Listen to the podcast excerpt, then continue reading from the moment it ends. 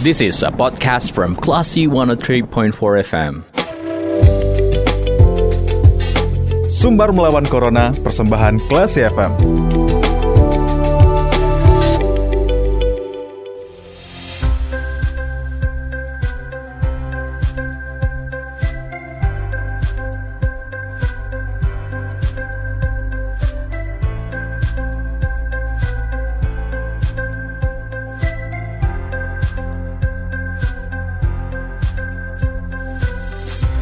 103,4 kelas FM bersama kita lawan Corona. Kelas People kembali mencermati sumber melawan Corona, persembahan Yayasan Semen Padang, Semen Padang Hospital. Kali ini masih bersama saya Faris Sardana.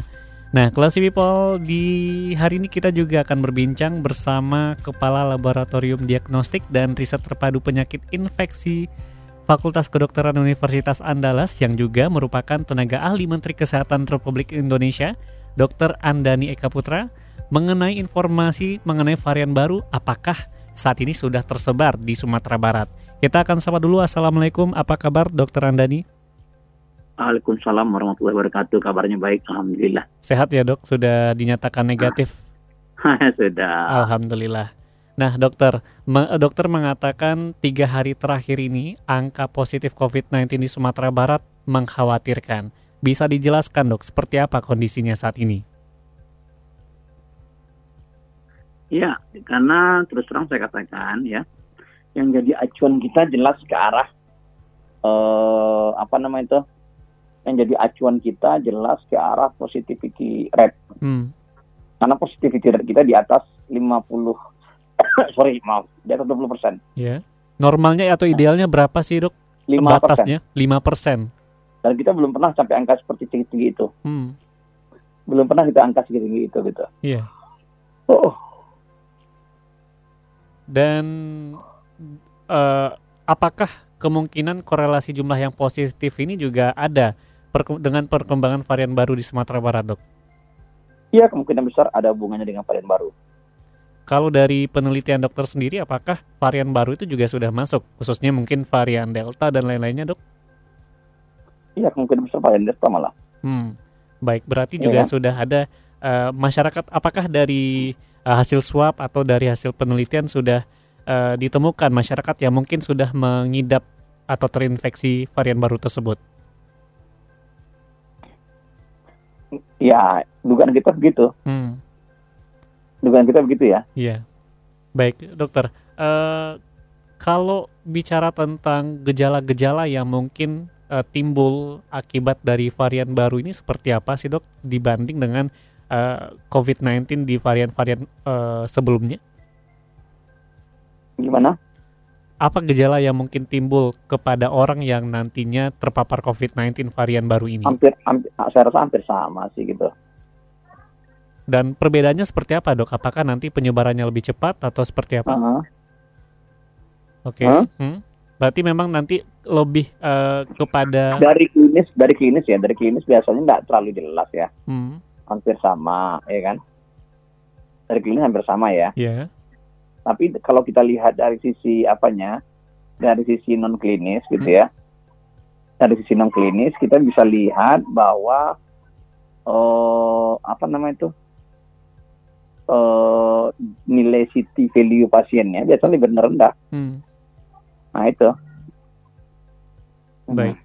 Kemudian dokter, uh, penularan varian baru ini seperti apa nantinya bentuk yang mungkin bakal terjadi khususnya kalau di Sumatera Barat kan kita masih menerka-nerka nih dok kalau di Pulau Jawa atau di Jakarta kan sudah ada memang varian Delta itu sudah tersebar di Jakarta e, bentukannya seperti apa nanti yang bakal terjadi kepada orang yang terinfeksi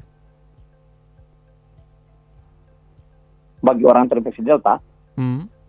ini hampir sama yeah. cuman karena jumlah virusnya lebih lebih apa ya lebih cepat naiknya hmm. sehingga biasanya uh, apa ya tampilan klinis itu lebih cepat juga beratnya hmm. jadi tidak menunggu virus rendah sekali virusnya masih pertengahan ya dia udah udah udah berat gitu kan nah apa akibatnya nanti untuk Sumatera Barat dok yang saat ini uh, masih dengan kondisi yang seperti sekarang dengan adanya persebaran varian baru ini? Apakah memungkinkan juga nanti kita mungkin bakal PPKM darurat atau lockdown, Dok? Iya, kemungkinan besar PPKM darurat. Akan diterapkan di Sumatera Barat.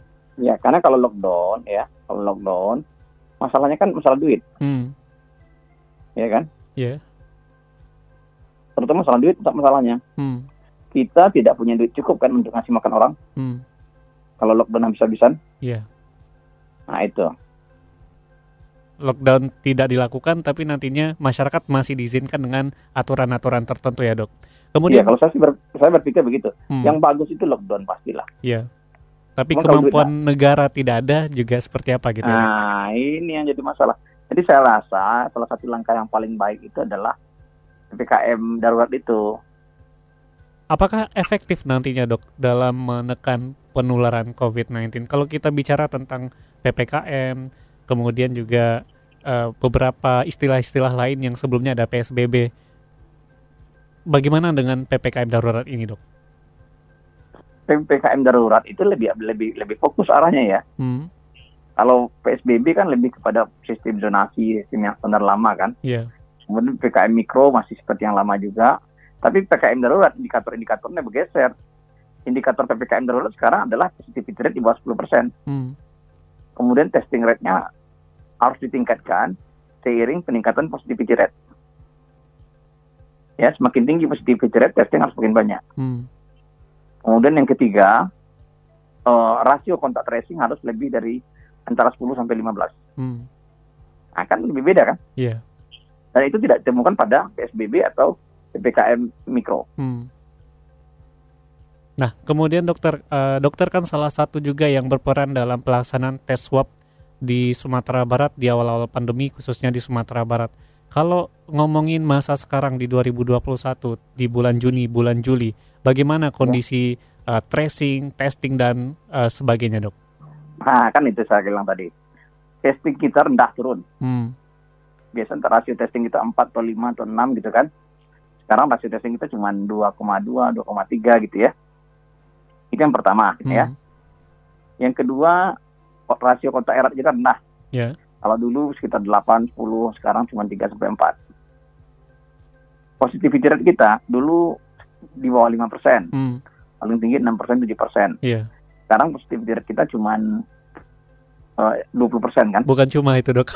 Itu bukan cuma ya, maaf iya, ya, salah saya. Maksud saya, nggak tahu saya lagi ngomong apa gitu kan. iya. Kata orang cuma kan gitu, orang nggak lihat. Orang tidak, soalnya orang tidak melihat positivity rate, Iya. Orang masih melihat jumlah kasus. Hmm, Sekarang saya tanya gini ya, saya tanya gini. Ini perlu di, di, di, di- diketahui oleh semua, semua pendengar Klesi FM ya. hmm, Posit, jumlah angka positif pasien positif di Sumatera di Indonesia itu sekitar 25 ribu sehari. Ya kan mas? hmm. Pertanyaannya, jumlah itu besar atau kecil? kalau dibagi an- eh, dengan jumlah provinsi mungkin eh, saya kurang tahu nih dok mungkin bisa dokter jelaskan daripada saya menerka-nerka dok Kira-kira menurut mas besar atau kecil? itu besar dok 25.000 ribu Kenapa besar? Besar ya? hmm. Nah gini mas, pertanyaannya gini mas. Kalau orang mengatakan 25 ribu besar, itu yang di- di- dikatakan oleh banyak orang. Hmm. Tapi bagi sebagian orang-orang yang paham dengan dengan konsep pandemi ini, 25 ribu itu kecil mas, Hmm. Ya kan? Ya. Sumatera Barat Indonesia itu idealnya menemukan kasus itu 50 sampai 60 ribu mas dalam sehari dok dalam sehari. hmm. Jadi kenapa? Kena jadi kenapa? do- Jadi kalau dikatakan 25 ribu besar salah Hmm. karena seharusnya kita temukan 50 ribu lebih, Iya. ya kan? Hmm. Artinya apa? Artinya kita bisa melihat bahwa kita itu kekurangan testing Hmm. sehingga tidak bisa menangkap orang jumlah banyak. Iya. Ya kan? Kita belajar ke India. Hmm. India itu testingnya satu hari itu 2,5 sampai 3 juta.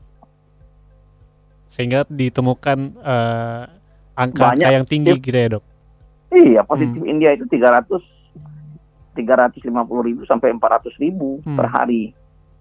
Tapi keuntungannya, ya kan? Ya kan? Iya. Kalau Hmm. Jadi kalau kalau kalau keuntungannya, ya keuntungannya adalah semakin banyak kita menemukan positif, maka semakin banyak pula orang penular yang kita tangkap. Hmm, ya. Ya kan? Setuju kan? Hmm. Ya bisa difahami, Dok. Iya. ah, ah. Sekarang kita temukan 25 ribu. Berarti ada sekitar 25-30 ribu orang Yang belum penular terjangkau. yang belum tertangkap. Hmm. Apa akibatnya? Dia akan menyebarkan ke orang lain. Iya. Pertama itu ya. Hmm. Yang kedua, dia tidak sadar dia tertular, dia tetap bekerja, sehingga gejalanya jadi berat. Hmm. Paham kan? Eh, kemudian dokter, eh, Hmm. jika adanya penurunan jumlah testing khususnya di Sumatera Barat, kalau boleh tahu Ya. kira-kira ap- eh, kenapa sih dok? Apa penyebabnya? Pertama, Boleh dong eh, dijelaskan dok buat kelas people biar tahu juga Iya. apa kondisi yang terjadi saat ini. karena masyarakat mulai jenuh, Hmm. ya kan? Jadi kalau saya katakan gini, PSBB kita dulu, karena kita takut, kita nggak tahu, jadi muncul istilah PSBB prematur. Hmm. Kasusnya belum apa-apa, tapi kita udah PSBB kan gitu. Karena kita nggak tahu kan kasus COVID itu bagaimana kan? Hmm. Itu pertama ya. Nah, sehingga energi kita habis waktu itu. Itu pertama. Yang kedua, ya, yang kedua, tenaga juga sudah mulai lelah, Hmm. sehingga tracing itu juga udah, udah, udah mulai tidak terlalu semangat. Kalau lab kita masih siap mas, kita Iya. selalu siap. Hmm. Ada masalah, kita siap untuk melakukan tracing. Itu tidak masalah kita lakukan. Kalau kita di lab ya, Iya. nah itu kita aman, nggak ada masalah sama sekali. Kita ready mas untuk lakukan tracing. Hmm. Nah, tapi di di lapangan tidak seperti itu gitu. Ya, jadi ada ada kemudian ketik berikutnya lagi adalah dukungan kepala daerah, Mas. Nah, seperti Oke. apa dukungan kepala daerah di Sumatera Barat khususnya dok? Ya, saya bilang gini, masih ada saya rasa bupati wali kota yang tidak care dengan Covid. Hmm. Masih ada, Mas. Data data-data yang terlihat itu. Berapa rasio kontak erat satu daerah? Hanya kecil sekali. Hmm. Ya kan, ini jadi masalah, Mas. Ada beberapa provinsi yang eh, kabupaten yang rasio kontak eratnya kecil, Hmm. ya kan? Itu jadi masalah, Mas. Baik. Nah, itu itu menggambarkan mereka tidak serius kan. Hmm. Coba lihat sekarang. Pedoman-pedoman dan sebagainya sebagainya kan tidak berkembang dengan baik. Iya. Pelaksanaan protokol protokol kesehatan juga tidak bagus, Mas. Iya kan? Hmm. Iya kan? Iya. Nah, itu bisa itu kita bisa lihat, Mas. Jadi kalau saya bilang, saya contoh ya. Ada satu daerah, Mas, saya cerita aja ya. Iya. Satu daerah testingnya tinggi, Mas, 16 kali testingnya. Dalam sehari dok. Dalam sari- rasio testingnya 16 per 1000 penduduk per minggu. Hmm. Oh per minggu. Hmm. Ya, itu tinggi, Mas ya. Hmm. Tapi rasio kontak eratnya cuma satu. Yang artinya apa dok? Artinya dia banyak melakukan testing mubazir. Oke. Nah, testing acak tidak menentu gitu saya bilang. Oh tanpa ada tracing tracing kepada orang yang kontak erat gitu ya? Betul, mah dia tracing testing itu guru-guru di testing, ini di testing, ini di testing gitu-gitu aja dia mas. Yang harusnya dilakukan itu untuk vaksinasi ya dok, bukan untuk Nah, texting. nggak, bukan begitu cara Hmm. pikirnya. Sekarang kondisinya adalah kasus kita banyak, surveillance Iya. itu nggak ada gunanya dulu, dan Hmm. stop dulu. Nah, gitu ya, Baik, gitu mas. baik. Kemudian dokter, eh, salah satu varian eh, COVID-19 ini juga katanya kita diharuskan memakai masker dua lapis. Ini seperti apa dok? Ya itu anjuran dari CDC ya. Hmm. Boleh dijelaskan dok seperti apa nantinya harus kita pakai? Apakah masker medis kita boleh memakai dua lapis atau masker medis dengan masker kain atau seperti apa dok? Masker eh, sebenarnya gini yang penting itu dua lapis ya. Yang Hmm. bagus itu adalah masker N95 Hmm. dengan masker medis di luar. Ya. itu nggak mendingan. Sekarang kalau kalau tidak ya kita gabung dengan masker kain aja, ya masker kain dalam, masker masker bedahnya Di di luar. luar, itu aja. Ah, ah. Nah, eh, kemampuan masyarakat untuk membeli masker kan juga tidak semuanya merata nih dok. Ada yang mungkin Nah, Masih menggunakan makanya masker kain. Tadi, Hmm. maka- kalau saya sih sekarang berpikir sederhana aja. Udahlah pakai masker aja lah.